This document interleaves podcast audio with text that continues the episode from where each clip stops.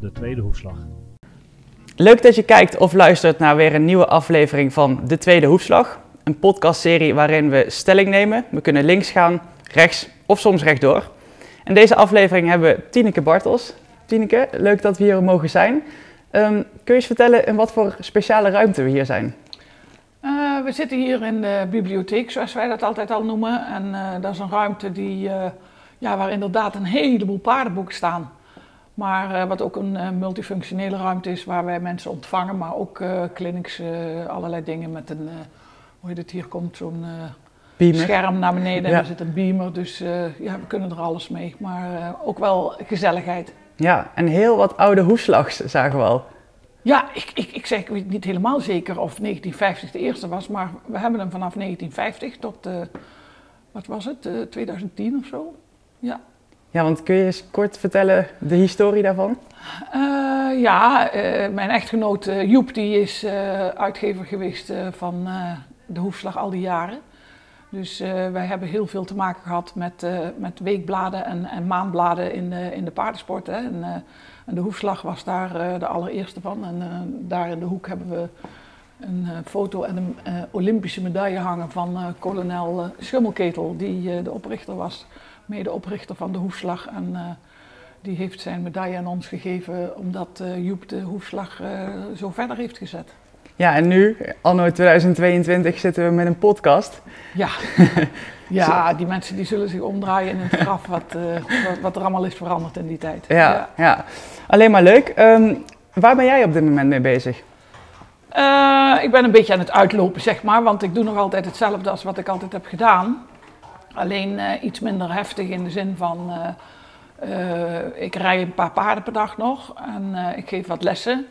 En ik help Imke vooral en, en, overal waar ze me nodig hebben val ik nog in.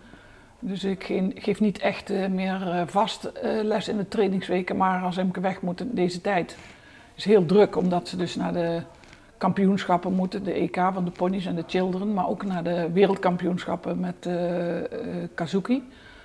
Dus uh, ja, dan uh, kan ik thuis uh, gewoon aan het werk blijven, zoals altijd. Alleen mijn hersteltijd is iets, langzamer, iets langzamer of duurt wat meer, langer. Ja, dus moet je even rekening mee houden. Ja, dat gaat vanzelf hoor. Okay. Daar hoef je, hoef je niet over na te denken. Dat roept vanzelf van ho, even rust. Ja, ja.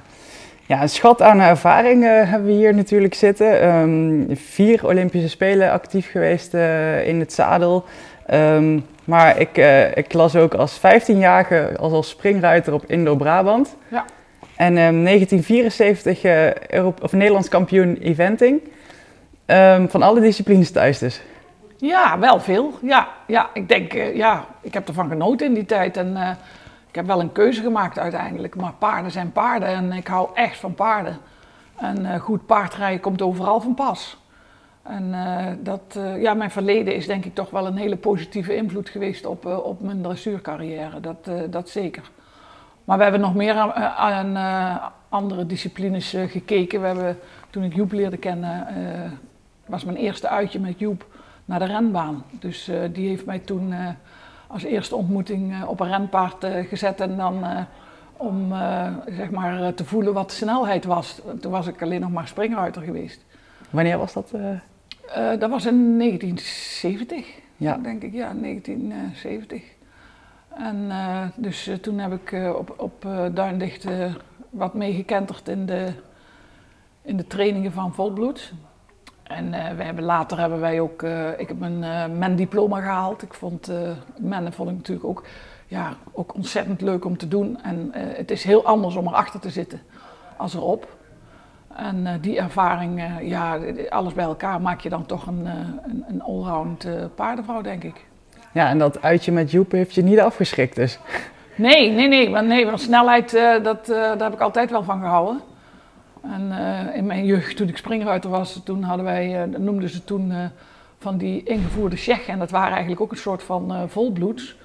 En die waren ook heel snel, alleen ik wilde niet zo snel, maar die liepen altijd te hard. En daarom was ik niet zo'n hele goede springruiter. Ik had vanwege de snelheid vaak een fout.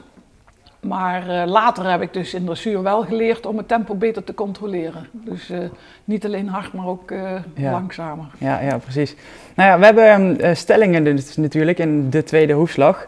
En een daarvan die haakt hier mooi op aan. Ehm, te vroeg specialiseren remt de ontwikkeling van een ruiter. Ehm, ja, ik denk dat dat wel waar is. Ik denk uh, alleen, uh, het is wel zo. Ik heb er natuurlijk heel diep over nagedacht, ook al. En ook veel over gepraat in de tijd dat ik bondscoach was van de jeugd. Uh, ik zeg altijd: uh, was echt een wijsgeer, zei, want ieder nadeel heeft een voordeel. En als je dus wel snel specialiseert, zoals gebeurt in dressuur met ponies, dan heb je wel een enorm voordeel dat die kinderen, als ze jong zijn, zeg maar een soort van spelenderwijs leren presteren onder druk. Als ze dus zeg maar voor een teamplaats gaan of voor in een team komen en op grote kampioenschappen moeten rijden. En dat mis je als je dus heel onround wordt, uh, wordt opgeleid. En als je dus uh, springt, uh, dressuur rijdt en military, dan kun je dat wel een keer tegenkomen, maar niet in die orde van grootte als wanneer je echt voor die specialisatie kiest. Maar ik zou er zelf altijd toch nog voor kiezen, uh, voor de langere termijn dan. Dat je een, een allround paardenman wordt en dat je dus inderdaad van al die markten een beetje thuis bent. Dan leer je paarden gewoon veel beter kennen in allerlei omstandigheden.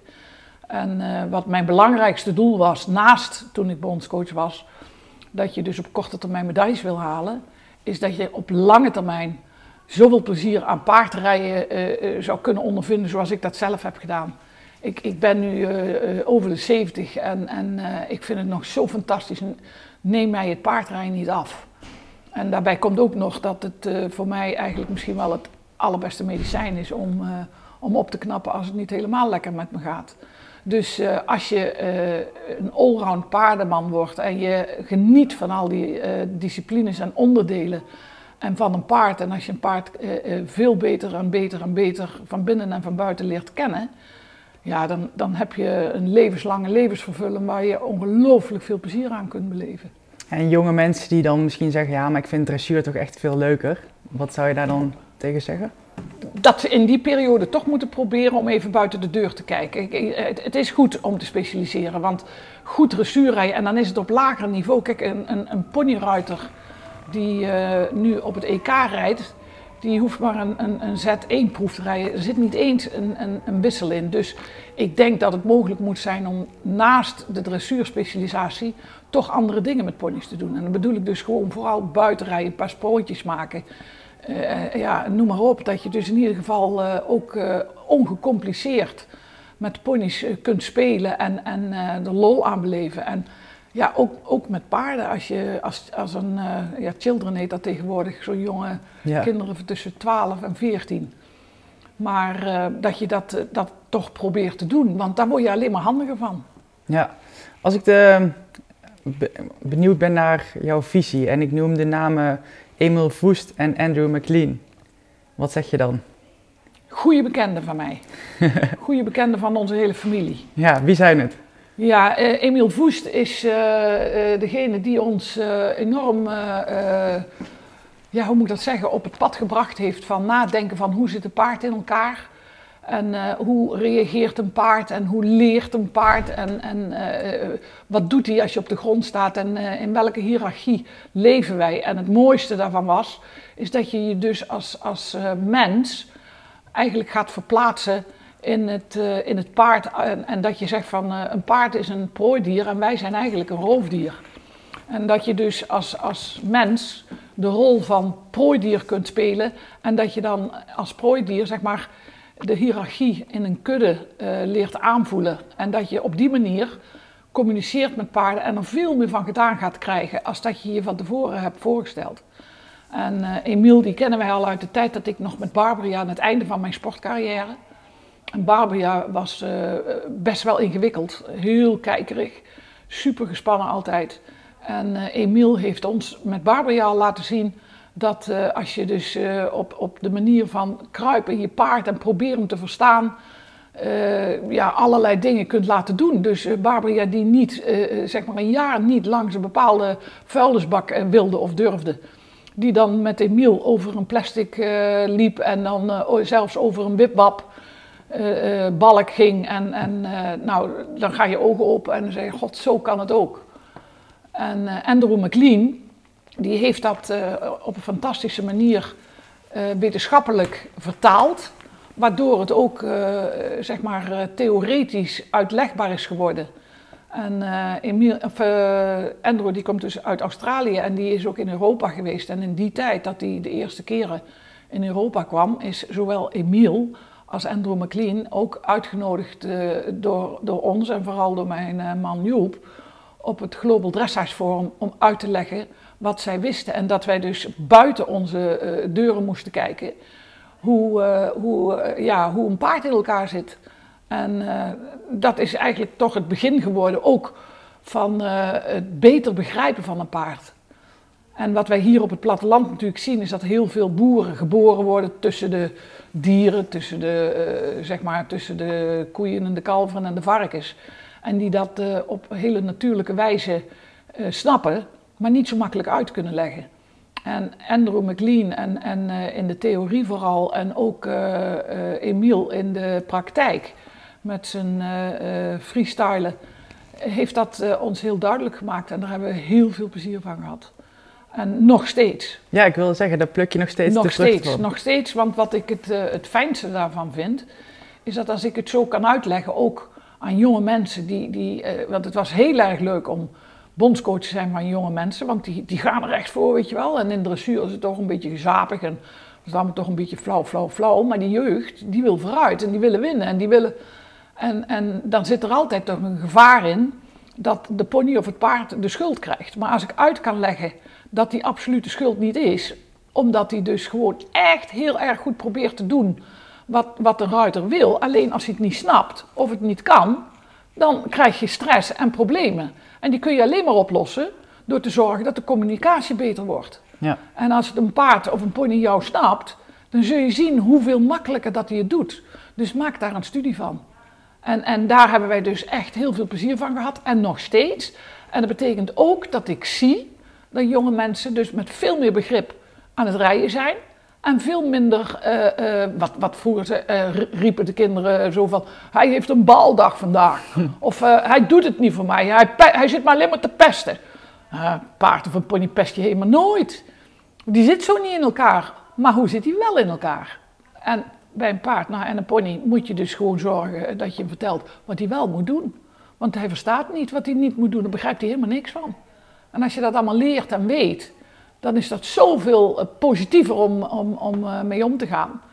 En zoveel waardevol als je, als je voelt dat die communicatie, als dat echt in orde is, dat het jouw paard wordt en dat jullie dikke kameraden worden. En dan is het echt heel leuk en dan vind ik het nog steeds super boeiend om, uh, om deze sport te bedrijven. Dat doe ik nog iedere dag een paar uur.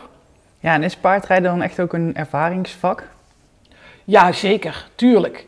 En dat is ook een, een van de redenen. Kijk, als, als, uh, hoeveel jaren doe ik dit? Als je de uren optelt, is niet normaal natuurlijk. Hè? Mijn vader zette mij als vierjarig kind op zijn paard als hij uit het springparcours kwam. En of hij nou aan de ren ging of niet, dan vingen ze me wel ergens op en dan planten ze me weer op.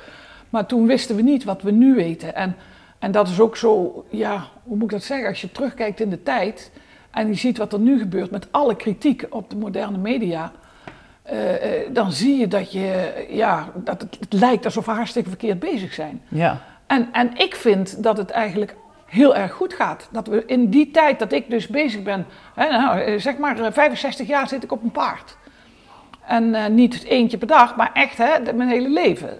Dus ja, dan zie je dus wat wij veranderd zijn en wat wij al verbeterd hebben en hoeveel meer begrip we al hebben. En dat het nog steeds niet altijd ideaal is en dat er nog altijd mensen zijn die het niet willen of niet kunnen begrijpen. Dat is dan jammer. Maar er is al een heleboel in, eh, eh, in positieve zin uh, verbeterd en veranderd. En daar geniet ik nog steeds van. Ja, gaan we straks nog eventjes op verder. Want um, om ook eventjes over die jeugd inderdaad te hebben. Um, een jeugdige, talentvolle ruiter of Amazone um, leert meer van het africhten van een jong paard dan van het meekijken op een EK bij de jeugd hadden het er natuurlijk net al een klein beetje over. Nee, dat zou ik zo niet zeggen. Ik vind dat ze alles moeten doen. Ik vind dat, uh, en dat, dat, je kunt overal van leren. Ik kan nog iedere dag, als ik, eh, ik, ik ben niet zo eh, op Facebook, maar ik kijk altijd nog op Facebook of er misschien een filmpje op staat. Nu ook weer. Een filmpje over vrijheidsdressuur of, of hoe leer ik mijn paard een zelfhouding aan met een nekroop. is toch super boeiend? En dan dus, ben je dan aan het opzoeken om... Daar ja, dan ga ik kijken hoe ze dat gedaan hebben, want ik ben heel nieuwsgierig. En uh, dat heeft uiteindelijk allemaal te maken met de, de leertheorie, hè, waar wij dus, uh, waar we, hè, Andrew McLean, Emil Woest, dat leer hoe een paard in elkaar zit. En als jij hem snapt, dan kun je die dingen ook uitvinden. En dan komt dat allemaal samen uiteindelijk. Alleen de vraag is, wat wil ik hem leren? En daar sta je dan bij stil. En dan ben je op die manier uh, met, met paarden bezig. Maar om te zeggen van op concours kijken, ik vind dat je overal moet kijken. Ik vind dat er eigenlijk, ja, we hebben dan de trainingsweken maar toch veel te weinig. Als ik op concours sta de laatste vijf of tien jaar en op het Nederlands kampioenschap, dan zie ik bijna alleen maar mensen uit mijn generatie naar, op het voorterrein kijken naar, naar de ruiters wat ze aan het doen zijn. Ik weet niet wat de rest is. En dan denk ik, of de, de inspiratie uh, is er niet, of uh, de mensen die denken dat ze het alleen maar kunnen leren door het zelf te doen. En, en ja, ik weet het eigenlijk niet, maar ik vind het onvoorstelbaar hoe weinig jonge mensen kijken naar mensen die beter zijn dan zij. Ja, je zou daar en dat, moeten leren. Waarom, Ik zeg niet dat je het alleen moet doen, want daar leer je van. Maar als je er naar kijkt, dan zie je dingen gebeuren waarvan je denkt van, zou dat nou echt zo moeten? Maar ook wat je niet wilt. En als je ergens naar kijkt en je leert van wat je niet wilt, dan heb je ook een hele belangrijke uh, les geleerd. En als je dus dingen leert in een goede les, of weet ik veel, in een training of, op concours, je kunt overal weer dingen zien, horen en met elkaar vergelijken. En maak je eigen plan dan. Gebruik het en, en vergelijk het en probeer zelf nuchter na te denken. Want eigenlijk, als je snapt hoe paarden in elkaar zijn, is het wel simpel. Zou het simpel kunnen zijn. Maar dan moet je het wel snappen. En als je het snapt, dan kun je dus ook dingen aan paarden vertellen. Maar daarvoor moet je wel heel veel paarden hebben gezien en heel veel reacties van paarden op bepaalde handelingen. Deed je dat vroeger zelf ook, dat je dan naar iemand toe ging van, hé, hey, waarom doe je dit of dit? Nou, eh, wat wij wel deden, ik ging natuurlijk echt naar Klimke kijken. En ik ging ook echt naar, uh, in, Duitsland kijken. En ik heb ook dingen gezien in Duitsland in, in de beginjaren dat ik dressuurruiter was. Die ik uh, niet snapte en ook niet wilde. Maar, zeg ik nog een keer, als je weet wat je niet wil, dat is ook al, al heel, heel handig. Maar ik heb wel ook toen in die jaren, ja, kwam je niet zo heel veel in het buitenland. Maar als je dan naar Engeland ging of naar Duitsland, daar was, daar was al een wereld van verschil, van, van discipline. En, en in Engeland uh, de houding van een ruiter of een, of een trainer of een africhter, die, die een, een, instelling heeft van please do it for me. En in Duitsland zei ze discipline, hij moet het doen. En dan hadden ze daar ook hun theorie over en dat werkte ook, maar die hadden ook andere paarden. Mhm. En in Engeland vonden ze het uh, in de beginjaren helemaal niet leuk om, om, om een, een, paard een dressuurproef te laten lopen in vier witte hek en vierkante ring. En in, in uh, Duitsland wel. Dus dat, dat is, het is ook een beetje cultuurgebonden, maar van al die dingen kun je ook weer leren. Als je nou naar Spanje kijkt, dan zie je zijn hele andere paardenrassen, hele andere mensen. En dus de cultuur van, de, van het volk uh, fokt ook andere paarden, denk ik. En natuurlijk, doordat het tegenwoordig veel meer met elkaar uh, wordt gemixt, krijg je veel meer uh, crossings, zeg maar, van alles. Ook omdat de wereld steeds kleiner wordt. En, en dat is ook boeiend. Ja. Maar ja, daar kun je wel van leren ook weer. En zo ben je een beetje tot je eigen visie gekomen. Ja. Um, toen ik hier naartoe reed, toen zag ik uh, in de Lage Meerde allemaal van die signalen van boeren hè, die het met dingen niet eens zijn op dit moment. Um, er zijn natuurlijk ook boeren die zeggen van, tegen hun kinderen van, goh, we hebben het mooiste beroep eigenlijk dat er is. Maar of het nou verstandig is als jij dit ook gaat doen, dat weet ik niet. Ben jij eigenlijk blij dat je kinderen ook in de paarden zijn verder gegaan? Ja, tuurlijk. Maar dat is ook al een klein beetje een egoïstische instelling natuurlijk, want ze doen wat ik leuk vind. Mhm. En wat, wat Joep leuk vond. Joep, vindt dit uh, bedrijf, ook, ook de evenementen en zo, vond hij hartstikke leuk. Dus dan kun je je voorstellen als je zoon en je dochter dat doen, dat ze het uh, heel erg leuk vinden. Um, maar ook daar weer heeft iedere zaak uh, twee kanten. Want wij hebben ons natuurlijk wel afgevraagd. Imke is intussen pff, dik over de 40. Maar die is hier ook al ingekomen eh, eh, toen ze 20 was. Mhm. En ze heeft wel een jaar bij Kira Kierkloent eh, ge- getraind en gereden om te weten of ze inderdaad wel in de paarden wil. Maar als je dan als ouders kinderen met zo'n bedrijf eh, opzadelt, of eh, hè, weet je, dan, dan vraag je ook af van, ze hebben, ze hebben er niet om gevraagd. En het gaat hartstikke fijn, maar of de kinderen van mijn kinderen het gaan doen, dat vraag ik me af. De zonen van Gijs die, zijn zeker geen paardenmensen, maar organisatie, zoals Gijs dus doet met evenementen, dat, dat is er zeker eentje die dat heel erg leuk vindt. Ja. En natuurlijk vind je dat leuk. Maar je, ik ben absoluut overtuigd dat als ze het niet leuk zouden vinden, en ik zou ze forceren of, of pushen om het wel te doen, tegen een beetje van hun, hun, hun, eh, zin in, dat dat eh, niet goed is. Nee.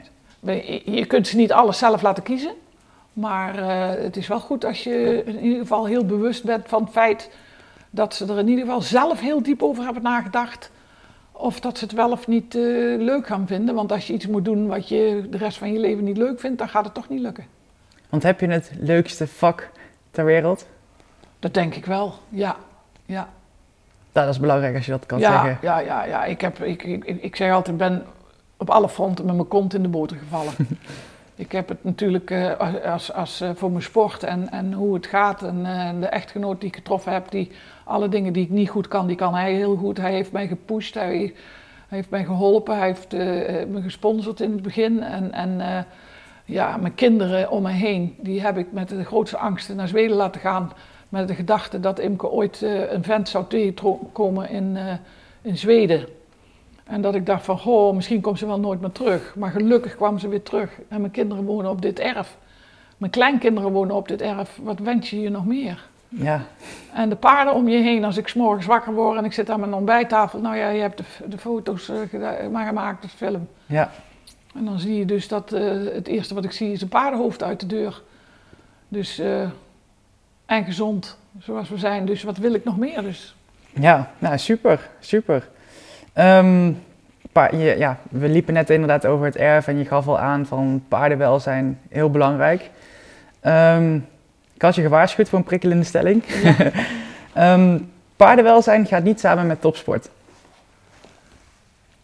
Eh, daar ben ik het niet mee eens. Daar ben ik het uitdrukkelijk niet mee eens. Omdat ik, eh, eh, als, als je die stelling doet, dan, dan geldt dat voor de hele paardensport. En dat is wat ik zeg, er zijn altijd, overal, en, en ook in, in andere eh, takken met dieren, waar mensen het niet helemaal goed doen. Maar als je ziet hoe wij met, met onze paarden omgaan en kunnen omgaan, en als je dat goed doet, dan vindt een paard het zelfs leuk. En, en het is heel moeilijk om dat naar de buitenwereld te vertalen. Maar wij hebben de ervaring al. Hè? Je ziet al een aantal paarden hier, die zijn allemaal oud geworden hier.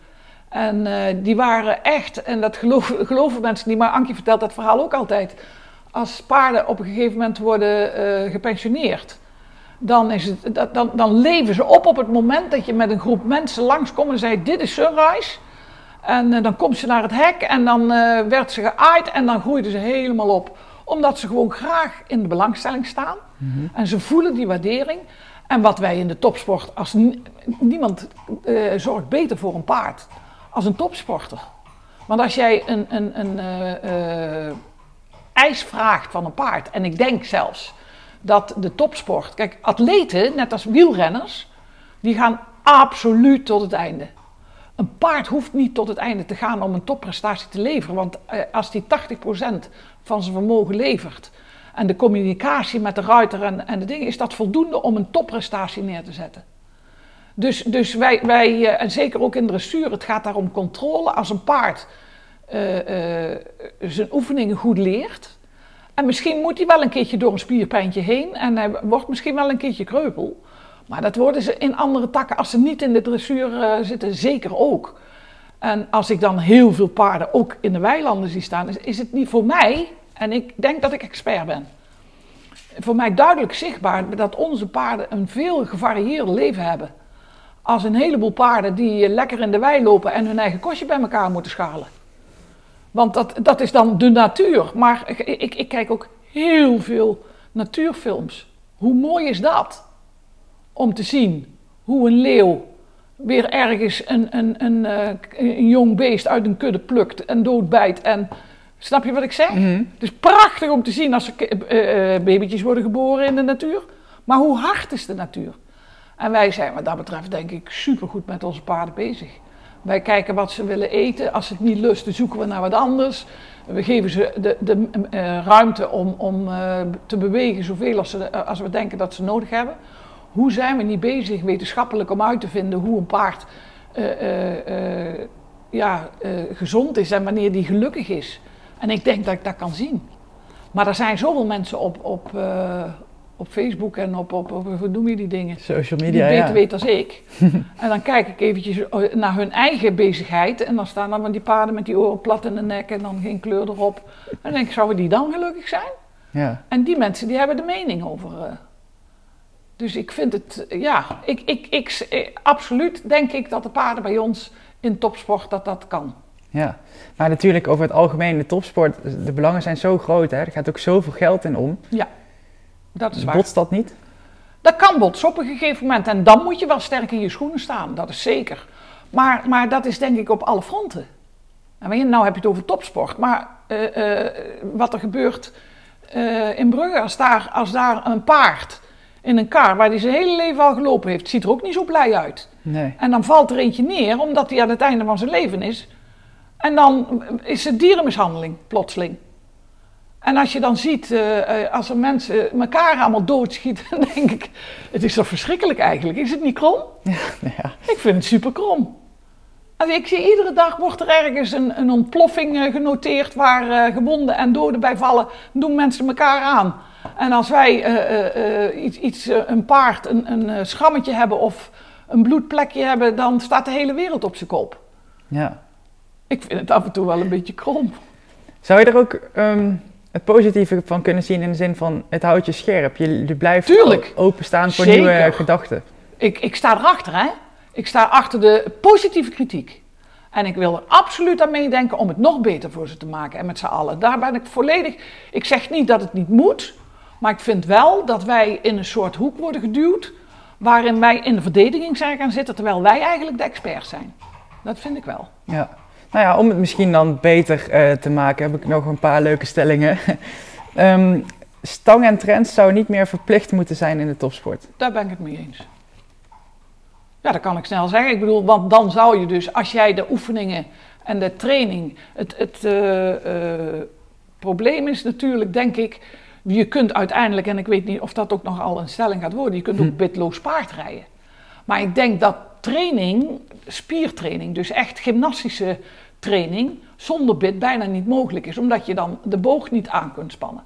Jij kunt ook zonder, zonder dat jij ergens aanhangt, kun jij ook niet eh, sterker. Je kunt wel sterker worden, maar nooit zo sterk als, als je geen gewichten of, of, of een eh, rekstok of ik noem maar wat. Attributen, ja. Ja, geen attributen hebt. En, en dat is natuurlijk bij eh dressuurrijden precies hetzelfde. Als je aan het bitten, dan kun je wel iets meer de puntjes op de i zetten. Doe dat even nu, joh. Hè? De hond komt op schoot zitten. Ja, die heb ik niet zo goed afgericht. Maar ja, die, die, Welke hond is dit? dit is Chase. Ja. Dit is Chase, ja. Ja, die achtervolgt je overal. Ja. ja. En ehm, enkele trends, internationale Grand Prix bijvoorbeeld. Ja, ik, ik, ik, dat, dat zou ik prima vinden. Want eh, als jij in staat bent om met een trends, en dat is hetzelfde eh, allebei, hè, of je nou stangentrends en, en, eh, of trends, of je de keuze openlaat. Kijk, een stang en trends, die moet je gebruiken als je het kunt. En ik heb wel eens eerder ook, ook eh, een, een artikel of, of een interview gehad over het gebruik van stang en trends. Ja, bij ons in de hoefslag Ja, eh, en, en, en dan zei ik, nou oké, weet je, als je dus niet in staat bent om, om met twee teugels fatsoenlijk te rijden, en als je niet weet wat het effect van een stang en een trends is, hè, vooral van de kinketting en, en de scharen van de stang, dan moet je niet met een stang rijden en je moet het natuurlijk wel oefenen, dat is wel een dingetje. Maar eh, als je dan eh, wel goed eh, weet hoe het werkt. En je kunt dan die laatste puntjes op de i zetten, zeker voor een zelfhouding met een stang en trends. En het paard blijft in die mond gewoon super vertrouwd en, en nagevelijk. Is dat prima. Als je dat met die stang niet kunt, maar je kunt het met een trends wel alleen. en je wilt je op die manier vergelijken met de training van een dressuurpaard, heb ik daar helemaal geen probleem mee. Vind ik prima. Mm, Snap je hoe de buitenwereld daar misschien tegenaan zou kunnen kijken? De- die Ja, niks dat- met paarden hebben? Ja, dat snap ik wel, maar, maar dat, is dus niet, dat, dat, dat vind ik dus niet terecht. Dus maak er een studie van waar je dan kritisch over bent. Ja. En dan zeg ik nog een keer, weet je, het is jammer dat het voorkomt dat er inderdaad ook in onze sport natuurlijk voorvallen zijn die- waar wij ook niet trots op zijn. Ja. En die wij zelf ook, wij moeten intern natuurlijk ook zorgen dat we onze, onze eh, dingen eh, in orde hebben. Hè, dat, dat, natuurlijk, dat is, dat is simpel zat. Want hoe kun je dat het beste uitleggen aan de buitenwereld? Want dat is natuurlijk heel lastig. En Ja, dat is lastig. En dat is, dat heel lastig. Maar ik denk wel dat de communicatie naar buiten toe toch wat, eh, ja, wat, wat be- beter gecommuniceerd moet kunnen worden. Ik, ik ben geen communicatiedeskundige, dus daar, zou je dus een, eh, daar moet je ook een expert voor inhuren om te vragen van hoe brengen we dat naar buiten. Ja, want de reactie misschien snel is al dat mensen hun kop in het zand steken, bijvoorbeeld. Ja. En denken van, nou ja, hè, jullie hebben er geen verstand van. Laat mij maar doen waar ik wel verstand van heb. Nee, dat klopt. Maar wij zijn, denk ik, eh, eh, dit bedrijf vooral, een heel duidelijk voorbeeld van kom maar binnen, kom kijken wat we doen. Wij leggen het uit. Iedereen kan bij ons in de trainingsweken eh, inschrijven, komen kijken wat wij doen in de training. Dat is dus al een manier, denk ik, waarop je dus eh, duidelijk maakt eh, dat je daar open voor staat om, om de buitenwereld. Want wat is dan de buitenwereld, hè? Ja, Maar dus, dus wie, wie hier inschrijft, die kan hier gewoon. dus ons is nog niet overkomen dat er iemand per ongeluk eh, in een trainingsweek is gekomen en een soort eh spionnenfunctie heeft eh, vervuld. En later dingen heeft geconstateerd die niet door de beugel konden. nee. Gelukkig maar. Ja, Ja, maar, maar, maar, maar zo, daarom moet je dus ook wel je best doen om het te doen zoals het hoort. En ook aan mensen uitleggen hoe dat je denkt dat het moet. want ik ben wel benieuwd. Zijn er dan in al die jaren dingen ge- geweest waarvan je zegt... Hm, dat dacht ik eerst zo over, maar eigenlijk heb ik mijn mening daarin bijgesteld. Ja, dat is, dat, dat is zeker. Heb je bijvoorbeeld Oh, ja. een voorbeeldje? Nou ja, wat, wat, wat ik al in het begin zei, weet je, eh, dat, dat je in het begin, toen ik jong was, hebben wij er nooit bij stilgestaan. Dat een paard een, een eh, prooidier is of een vluchtdier. Ja, er staat wel vluchtdier, weet je wel. Maar dat je er zo in kruipt en dat je dus eh, als ruiter die rol ook moet kunnen spelen, zodat je dus de communicatie op zijn niveau kunt doen. Mhm. Hè, dat je hem snapt. Ja, Daar hebben wij, daar hebben wij veel minder over eh, eh, eh, geleerd en gelezen als tegenwoordig. en qua attributen bijvoorbeeld? Nou, dan, moet je, dan moet je eens eventjes kijken in de, hoe heet het, wij zijn in het Olympisch Museum geweest in Athene. Ja, En daar liggen dus bitten van 5000 jaar voor Christus. En als je daar die dikke trends naast legt van nu, dan zie je die 5000 jaar verschil wel. Ja. Dat is echt niet te geloven. Want wat ze met die paarden in die oorlog toen gedaan hebben, dat is natuurlijk ook niet zo grappig. nee. Dus daar is, daar is wel degelijk wel wat veranderd. Alleen eh, in de tijd dat, dat ik jong was, eh, denk ik dat, dat eh, als een paard hard ging lopen, dan gi- gingen wij hem hard tegenhouden. En, en nu snappen we veel beter waarom die wegloopt. Ik doe het niet. Ja, de hond wil spelen. Niet doen. Nee, dat, dat, Maar, maar dat, dat, dat, dat, begrip is veel groter geworden. En daar zijn we natuurlijk veel beter eh, mee bezig als, eh, als in het verleden. En, en ook eh, als je terugkijkt door het feit dat er mensen uit de buitenwereld kritisch naar ons geweest zijn. Dat wel.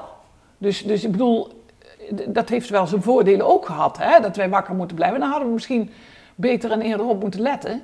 Maar dat komt ook omdat je natuurlijk uit een andere wereld kwam. Het is een militaristische wereld geweest. Hè? Paarden werden gebruikt voor de oorlog en die moesten dan ook, eh, net als op de Spaanse rijschool, eh, die, die, die, die hoge eh, sprongen boven de aarde. Dat zijn eigenlijk eh, verdedigingstactieken of, of technieken. En eh, ja, dat, dat, dat, dat is allemaal omgedraaid. Ja, vroeger, vroeger dan, eh, eh, had je ook, hoe heet zo'n ding, weet je, waar ze de kop doorzeden, dan hakken ze je hoofd af. Oh ja, ja, guillotine. Ja, ja, dat bedoel ik, ja. Maar hebben ze, ehm, eh, kijk, mensen zeggen wel eens, en ik denk dat dat wel klopt hoor, dat de ontwikkeling in technologie bijvoorbeeld nu sneller gaat dan ooit in de geschiedenis. Is de ontwikkeling in de paardensport nu ook sneller dan ooit? Nee, de rijerij op zich is natuurlijk niet zo heel veel veranderd, want het paard is niet zo heel veel veranderd. Alleen eh, de technieken en, en de innovatie van beugels, sporen, eh, eh, de, de, omdat dat allemaal op dat internet heel snel aan het veranderen is. Maar een paard, die, die, ja, die verandert niet zo snel. Het is hetzelfde als ik lesgeef. Ik, ik meng wel veel meer van de leertheorie in mijn lessen in als vroeger. Maar het rijden van een paard is niet zo heel veel anders dan. Een paard heeft vier benen, een paard heeft een, een, een wervelkolom. Die wervelkolom is, is een, eh, een hangbrug, zeg maar, dat verhaal. En je wil hem daar sterk maken. Dat verhaal, dat was eh, 100 jaar geleden zo en dat is nog zo. En, en eh, alleen de ontwikkeling van, van spieren. Je kunt nou beter meten hoe, hoe pezen eh, en botten ontwikkelen en waar je, wat voor training je daarop los moet laten. Maar of dat nou zo enorm veel verschil in zit, dat, dat, dat geloof ik niet. Dat dat heel hard is gegaan. Maar de dingen eromheen, absoluut wel. En, en, en de wetenschap eromheen, waardoor je kunt meten, wel. Maar of die al echt in, in het toepassen de versnelling eh, heeft toegepast, dat denk ik niet. Ik denk dat vooral, als je de springen ziet, maar dan moet je de springers vragen, dat de, de fokkerij ertoe geleid heeft dat de paarden hoger springen. Mhm. Want in mijn tijd, dan waren er heel weinig paarden. maar Toen sprong ik 1,30, 1,35. Nou, dat, is- dat was huizenhoog. en nu is het natuurlijk niet te geloven dat die jonge kinderen al over 1,40 springen en parcoursen. Dan, dan starten er 90 of 100. Ja. Ja. Maar ook, ook omdat de fokkerij paarden voortbrengt die, die, denk ik, in de springsport wijzere paarden, maar ook atletischer nog. In de dressuur zie je dus paarden die, die dus eh, veel meer eh, vermogen eh, laten zien. Eh, groot lopen, eh, elastisch, eh, zeg maar, eh, atletische paarden met, met, met de motor van voor of van achter, waar ze, waar ze dan ook naar getoerfokt hebben. Maar daar, daar is wel veel in veranderd. Dat denk ik wel. Dus we hebben wel andere paarden. Maar het rijden van paarden, dat, ja, daar hebben ze misschien, het geduld hebben ze niet zo heel veel als dat je dat vroeger had. Want als we toch hogere scores willen blijven halen en misschien nog nieuwe wereldrecords breken in de, in de dressuur, ehm, zit hem dat dan in het, in het rijden of in de fokkerij? Nee, daar zitten we echt in het rijden. Dat daar nog dingen verbeterd kunnen worden? Dat denk ik wel. Maar de fokkerij is het, ik weet niet of, of het nog, nog beter, de fokkerij nog beter zou kunnen. Want de vraag is, maar daar ben ik niet helemaal in thuis, of dat de paarden, hè, zoals wij de wereldkampioenschappen jonge paarden hebben, natuurlijk komen er intussen wel een paar wereldkampioenen van de jonge paarden door naar het hoogste niveau. Maar de vraag is, en daar zullen cijfers van zijn, maar die ken ik niet, dat eh, de paarden die, die in die jonge periodes eh, heel goed waren, of die dat op, op eh, hoger niveau ook doen. Dat, dat weet ik niet of dat, dat werkelijk zo is. Want dan zou de fokkerij hè, voor, de, voor de jonge paardenkampioenschappen, zouden dat ook de kampioenen van de toekomst moeten zijn. Nou, je veegt het pad al schoon voor mijn volgende stelling. Eh, Wedstrijden van, eh, voor driejarige paarden eh, zijn niet meer van deze tijd. Nee, klopt. Niet van deze tijd, nooit geweest. Hm. Dus, En waarom vind je dat? Omdat die paarden gewoon niet ontwikkeld zijn. En er zijn best wel paarden die, die als driejarige af zijn, zeg maar. Hè, dat je een, een- een paard van 1,60 of 1,64 die uitgegroeid is, dat, dat komt voor en dan kun je wel wat. Maar ik, ik, eh, nee, ik, ik ben daar niet voor, omdat er eh, mentaal zoveel dingen moeten veranderen nog eh, in een paard voordat ze op wedstrijd onder druk ook, ja, en wat is druk? inlaaien. Nou, het is wel ma- makkelijk als ze het allemaal gedaan hebben tegen die tijd, hè, zeggen ze dan. Maar ik vind wel dat je gewoon de tijd moet nemen. Als jij op een driejarige zit, kun je nooit een echte combinatie zijn. Want dan kun je er maar een paar keer op gezeten hebben. Mhm. En eh, hoe, hoe, hoe moet je zo'n paard dan vertrouwen geven als die net zadelmak is? Hoe moet hij hoe moet hij de periode door? Dat hij, ik, dan praat ik nog niet alleen, en- en nog eens niet over eh, eh, botten of, of weken delen die, die sterker moeten worden. Maar hoe moet ik communiceren met mijn paard en hem op gemak stellen als hij, als hij nerveus wordt als driejarige? Weet je, weet je wat je hem aandoet als die mentaal toch eh, erg onder de indruk is geraakt van de eerste... Dat schaadt de ontwikkeling. Dat, dat zou kunnen, maar waarom zou je dat doen? Mhm. Wat is dan een betere Wat- leeftijd? Nou ja, vier vind ik ook al heel erg jong. Ja. Want, want eh, weet je, ik, ik heb geen bezwaar dat je dus die driejarige paarden eh, rijdt en, en aan de eisen voldoet thuis. Die eigenlijk op, op een driejarige concours worden gesteld. Maar eh, wil je dus de ruiters beschermen tegen hun paarden, moet je daar geen wedstrijden van maken. Want, want eh, dan heb je gelijk als je zegt van eh, de druk van het geld wordt te groot. Want daar gaat het dan om, Ja, denk ik toch? altijd. Het geld. Ja, en dat vind ik jammer, want er zijn er toch een aantal jonge paarden die, die we niet meer terugzien. Ja. We komen nog eventjes terug op een attribuut ehm, waar je al eerder wat in ons magazine over hebt gezegd. Ehm, de stelling is, de slofteugel zou verboden moeten worden. Ehm, nee, nee, niet direct verboden moeten worden. Maar hoe je dat moet controleren of dat er goed gebruik is. Kijk, een slofteugel is hetzelfde als een scheermes in de handen van een aap. En dat betekent dat er tegenwoordig ook apen zijn die zichzelf misschien wel heel goed kunnen scheren. Snap je? En eh, ik vind wel, en ik moet eerlijk toegeven, ik ben nou eh, oud genoeg om toch een keer een slofteugel eraan te doen als er eh, een klein beetje spanning komt of eh, ik een risico loop om, om mezelf te beschermen, omdat ik niet snel genoeg meer ben. Mijn kop wel, maar mijn lijf niet. En waarom zou ik dan geen slofteugel, terwijl ik denk dat ik dat wel goed zou kunnen handelen, dat ik dat er niet aan kan hangen? Dan zou dat verboden zijn. Ja. En, en, en dat vind ik niet, dat is hetzelfde als met een stang en trend. Je kunt, je kunt hem gebruiken als je, als je het goed kunt. Maar wie beoordeelt, dat is natuurlijk wel de kwestie. Wie beoordeelt dat? Maar eh, eh, in Zwitserland is het al lang eh, verboden, bij de wet zelfs. Maar ik weet niet of het iets opgeleverd heeft. Het is wel weer zo dat als je dus gaat praten over het verbieden van een slofteugel, ja, moeten we dadelijk dan verbieden een zadel erop leggen en een hoofdstel eraan doen en dan, dan wordt het gevaarlijk. Want Ja. dan, zijn, dan, dan kom je er dus niet meer op te zitten, maar dan is het paard met uitsterven be- bedreigd. Want er is niemand meer die een paard eh, eh, kan, kan eh, handelen. Ja. Die, die, die hebben geen verstand van hoe, hoe moet je dan met paarden omgaan. En ik denk echt dat de paarden er zijn omdat, omdat ze graag met ons samenwerken. Dat is het mooie van onze sport. Ik ben er vast van overtuigd. Een paard is, is hoe noemen ze dat, gedomesticeerd al heel lang geleden. En, en dat betekent dat paarden, die zijn niet alleen afhankelijk van ons, maar die hebben zich aan ons eh, eh, overgegeven in een positieve zin. Net als die honden hier. Ja. Hoe moet ik die dan de straat op doen? Dat kan ik niet. Nee. Nee, maar dat is inderdaad ook een mooie, toch? En de, de Ja, enige het- sport... eh, Ja, denk ik wel. Ja. Wil ik het ook nog eventjes over de, de jeugd hebben? Want je zei het al eerder natuurlijk, ik ben eh, jeugdbondscoach geweest. Ehm, nu hebben de jongrijders voor het eerst in hele lange tijd geen medaille meer gehaald. Ehm zesde geworden. Ehm, hoe moet de jeugd eh, aansluiting blijven vinden op internationaal vlak? Heb je daar een idee over? Dat vind ik heel moeilijk, moet ik zeggen. Want ik ben op het ogenblik eigenlijk eh, niet zo actief.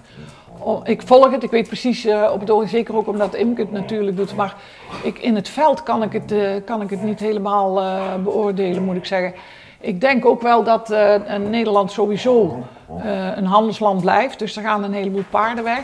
Ja, Maar ik, ik durf niet te zeggen dat, dat ze niet goed bezig zijn. Want de junioren zijn weer wel heel erg goed. Het kan best zo zijn. Eh, ik denk wel dat onze omliggende landen veel beter zijn. Dus er wordt. Duitsland dominant. Duitsland is heel dominant, altijd wel geweest. En, en God mag weten, gaan we nog een keer eh, weer wakker worden met z'n allen. En gebeurt ons wat, wat, eh, wat, wat ik heb meegemaakt. Want ik ben eh, uit een team, ik ben ooit, ik geloof in 1990, achtste geworden met het Nederlands team in Stockholm op de wereldkampioenschappen. Maar ik was er ook bij toen de eerste zilveren medaille in Barcelona werd gehaald. ja. En dat was al zes jaar later. Mhm. Dus nee, dat was twee jaar later. Hoeveel later was dat? Barcelona 92. Wacht even, 1990. Was, be- was behoorlijk dicht bij elkaar. En Ja. toen hadden we ook gewoon eh, eh, Annemarie Keizer die met haar bond niet meer meedeed. En, en nu, de Ankie er niet is. En nu heb je dus, want kijk op papier. Ik kan niet zeggen dat die zesde pla- eh, plek een gevolg is van beleid of, of eh, eh, eh, trainingsprogramma's. Mhm. Want Marten Luiten die heeft natuurlijk enorme pech gehad. Als je een ruiter erbij hebt zoals hij, dan zit je er alweer heel anders voor. Uiteraard, ja. En zo heeft het eh, Nederlands team op het hoogste niveau een beetje hetzelfde op dit moment natuurlijk. Hè, als Edward Gal wegvalt bijvoorbeeld. Ja, maar dat, dat is dan misschien toch het mooie van de sport op het ogenblik. Dat de concurrerende landen, want in het verleden, ook als wij niet goed gingen, hadden we toch een medaille. In, in, de, in de jeugd al, hè? helemaal in het begin. Dus uh, het is wel uh, ja, uh, afhankelijk van het moment, omdat de omliggende landen aan het beter worden zijn. En als ik nou hier bijvoorbeeld kijk, er zijn dus echt mensen uit India, mensen uit Thailand, mensen uit Israël, noem ze maar op, die hier dan bezig zijn. En het zijn niet de beste van hun land. Dus die zijn ook allemaal aan het komen. En overal, en dat is ook de Olympische gedachte, we willen met z'n allen dat onze sport globaliseert. Ja. En dat betekent dat de kansen op, op, op drie uh, medailles, uh, goud, zilver en brons, uh, veel meer verspreid gaan worden. Nou, en als in dit geval zijn er misschien niet zoveel landen. Ik denk dat de coronaperiode daar ook een, een hele mm -hmm. Duit bij in het zakje heeft gedaan. Dat dat natuurlijk toch ook wel in, in, in het ene of het andere land wel enorme gevolgen heeft gehad. Ja, want um, die, het is natuurlijk iedere keer weer de vraag van, hè, de vraag misschien niet, maar er is discussie over of paardensport weer op de Olympische kalender komt. Um, nu is dat voorlopig wel. Maak je daar zorgen om dat het misschien verdwijnt? Uh, ja, ik zou, als, als het inderdaad een klein een beetje daar naartoe zou, dan zou ik me zorgen maken. Want moet je eens kijken, wat een industriële tak. En, en Olympisch is magisch. Ja. Dus dat is, dat is een ramp als dat niet meer zou zijn. Dus uh, in, in die zin ja, maar ik denk dat, uh, dat die kans dat wij er blijven, maar we moeten er hard aan werken. Dat is nummer één. Maar ik denk dat die kans dat wij er blijven, ook, ook omdat dat uh, een, een, van de allereerste sporten is waar de Olympische Spelen uit bestond, dat dat misschien toch wel nog steeds een reden blijft om mee te doen. Ja. Maar zeg niet dat het niet kan. Nee, we spraken elkaar twee jaar geleden voor hoefslag uh, in aanloop naar de Olympische Spelen in Tokio. Toen had je als rol de hoofdcoach bij de KNS. Toen zei je van ah, een Olympische medaille is uh, zeker mogelijk. Nou, Michael van der Vleuten bij het uh, springen natuurlijk. Ja.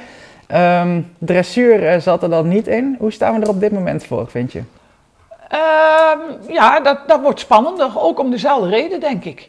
Op het ogenblik uh, hebben we natuurlijk niet eentje die uh, met kop en schouders overal bovenuit steekt. En, uh, dus, dus je hebt op het ogenblik iemand nodig die bij de beste drie van de wereld hoort. En als je dat niet hebt, dan wordt een individuele medaille al heel, in, of een teammedaille al heel ingewikkeld. Ja. Dus, kan Dinja van Lieren dan misschien die rol gaan pakken? Ja, die is goed op weg. Die is absoluut goed op weg. Ja, zeker weten. Die heeft, die, die heeft een absolute topsportinstelling. Dus, en, en, en wat ik uh, heel erg leuk vind, ik vind het super uh, rolmodel. Ja. Dus uh, wat dat betreft, hè, we, we, zeggen wel eens ooit, of ja, we horen het gelukkig niet meer zoveel als in het verleden, maar de nieuwe Anki. Mm -hmm, ja. En je moet nooit naar een nieuwe Anki zoeken, maar als Denja doet wat ze aan het doen is en, en, en ze wordt nog iedere dag een beetje beter.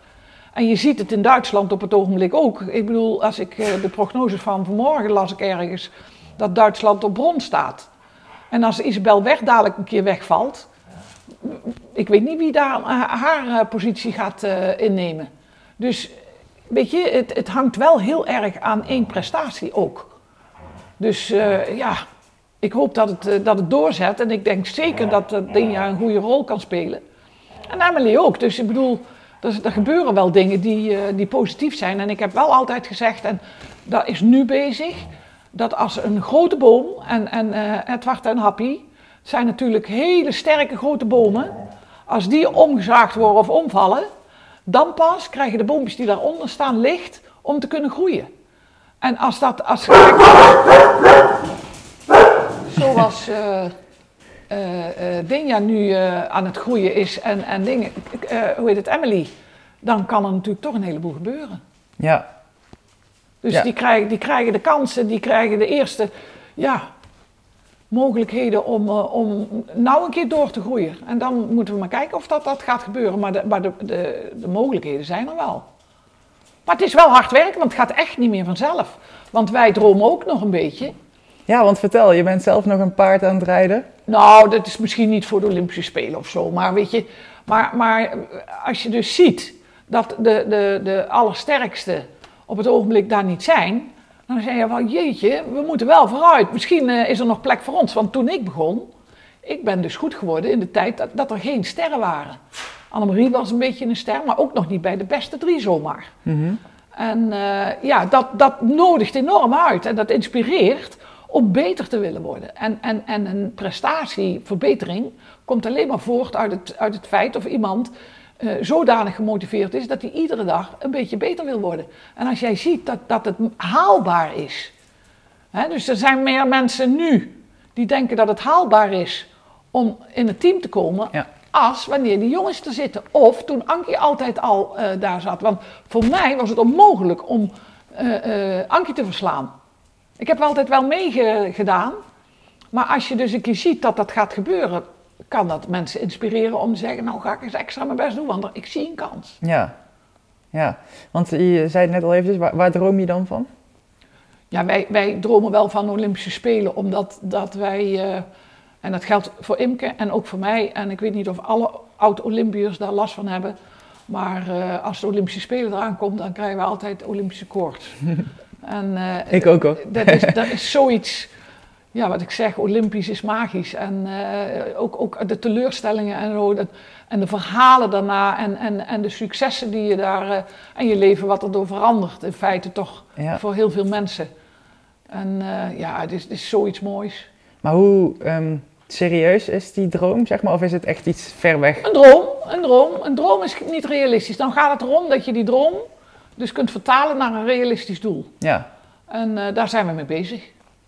Ja. Maar niet op korte termijn. Niet, niet in Parijs. Parijs Nee, nee, nee, 2024. eh, Nee, nee. nee. Dus voor de toekomst, wie weet. Nou ja, weet je, Imke wil ook nog een keer. En dat, dat is, eh, eh, ja, hoe moet ik dat zeggen? Met een bedrijf als dit is het wel het eh, topsport. De oorsprong van wat wij hier hebben opgebouwd was eh, eh, topsport en educatie. Mhm. Dus topsport. Ik, ik, eh, Imke heeft eh, geen universiteit gedaan. Ik ben gymnastieklerares eh, geworden. Ik heb wel hogeschool gedaan en, en Joep heeft gestudeerd.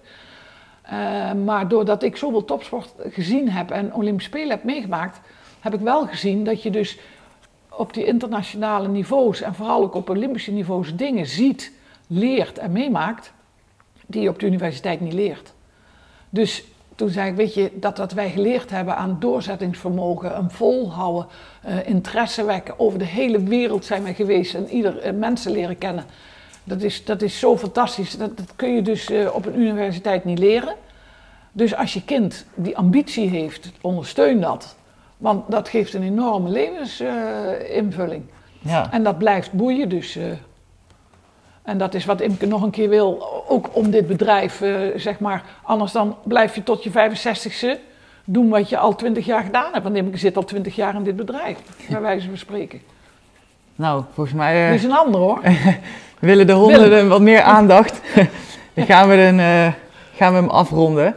Ja. Ehm, ik denk dat we heel wat behandeld hebben. We kunnen weer vooruit. Ik denk dat een hoop mensen weer geïnspireerd zijn.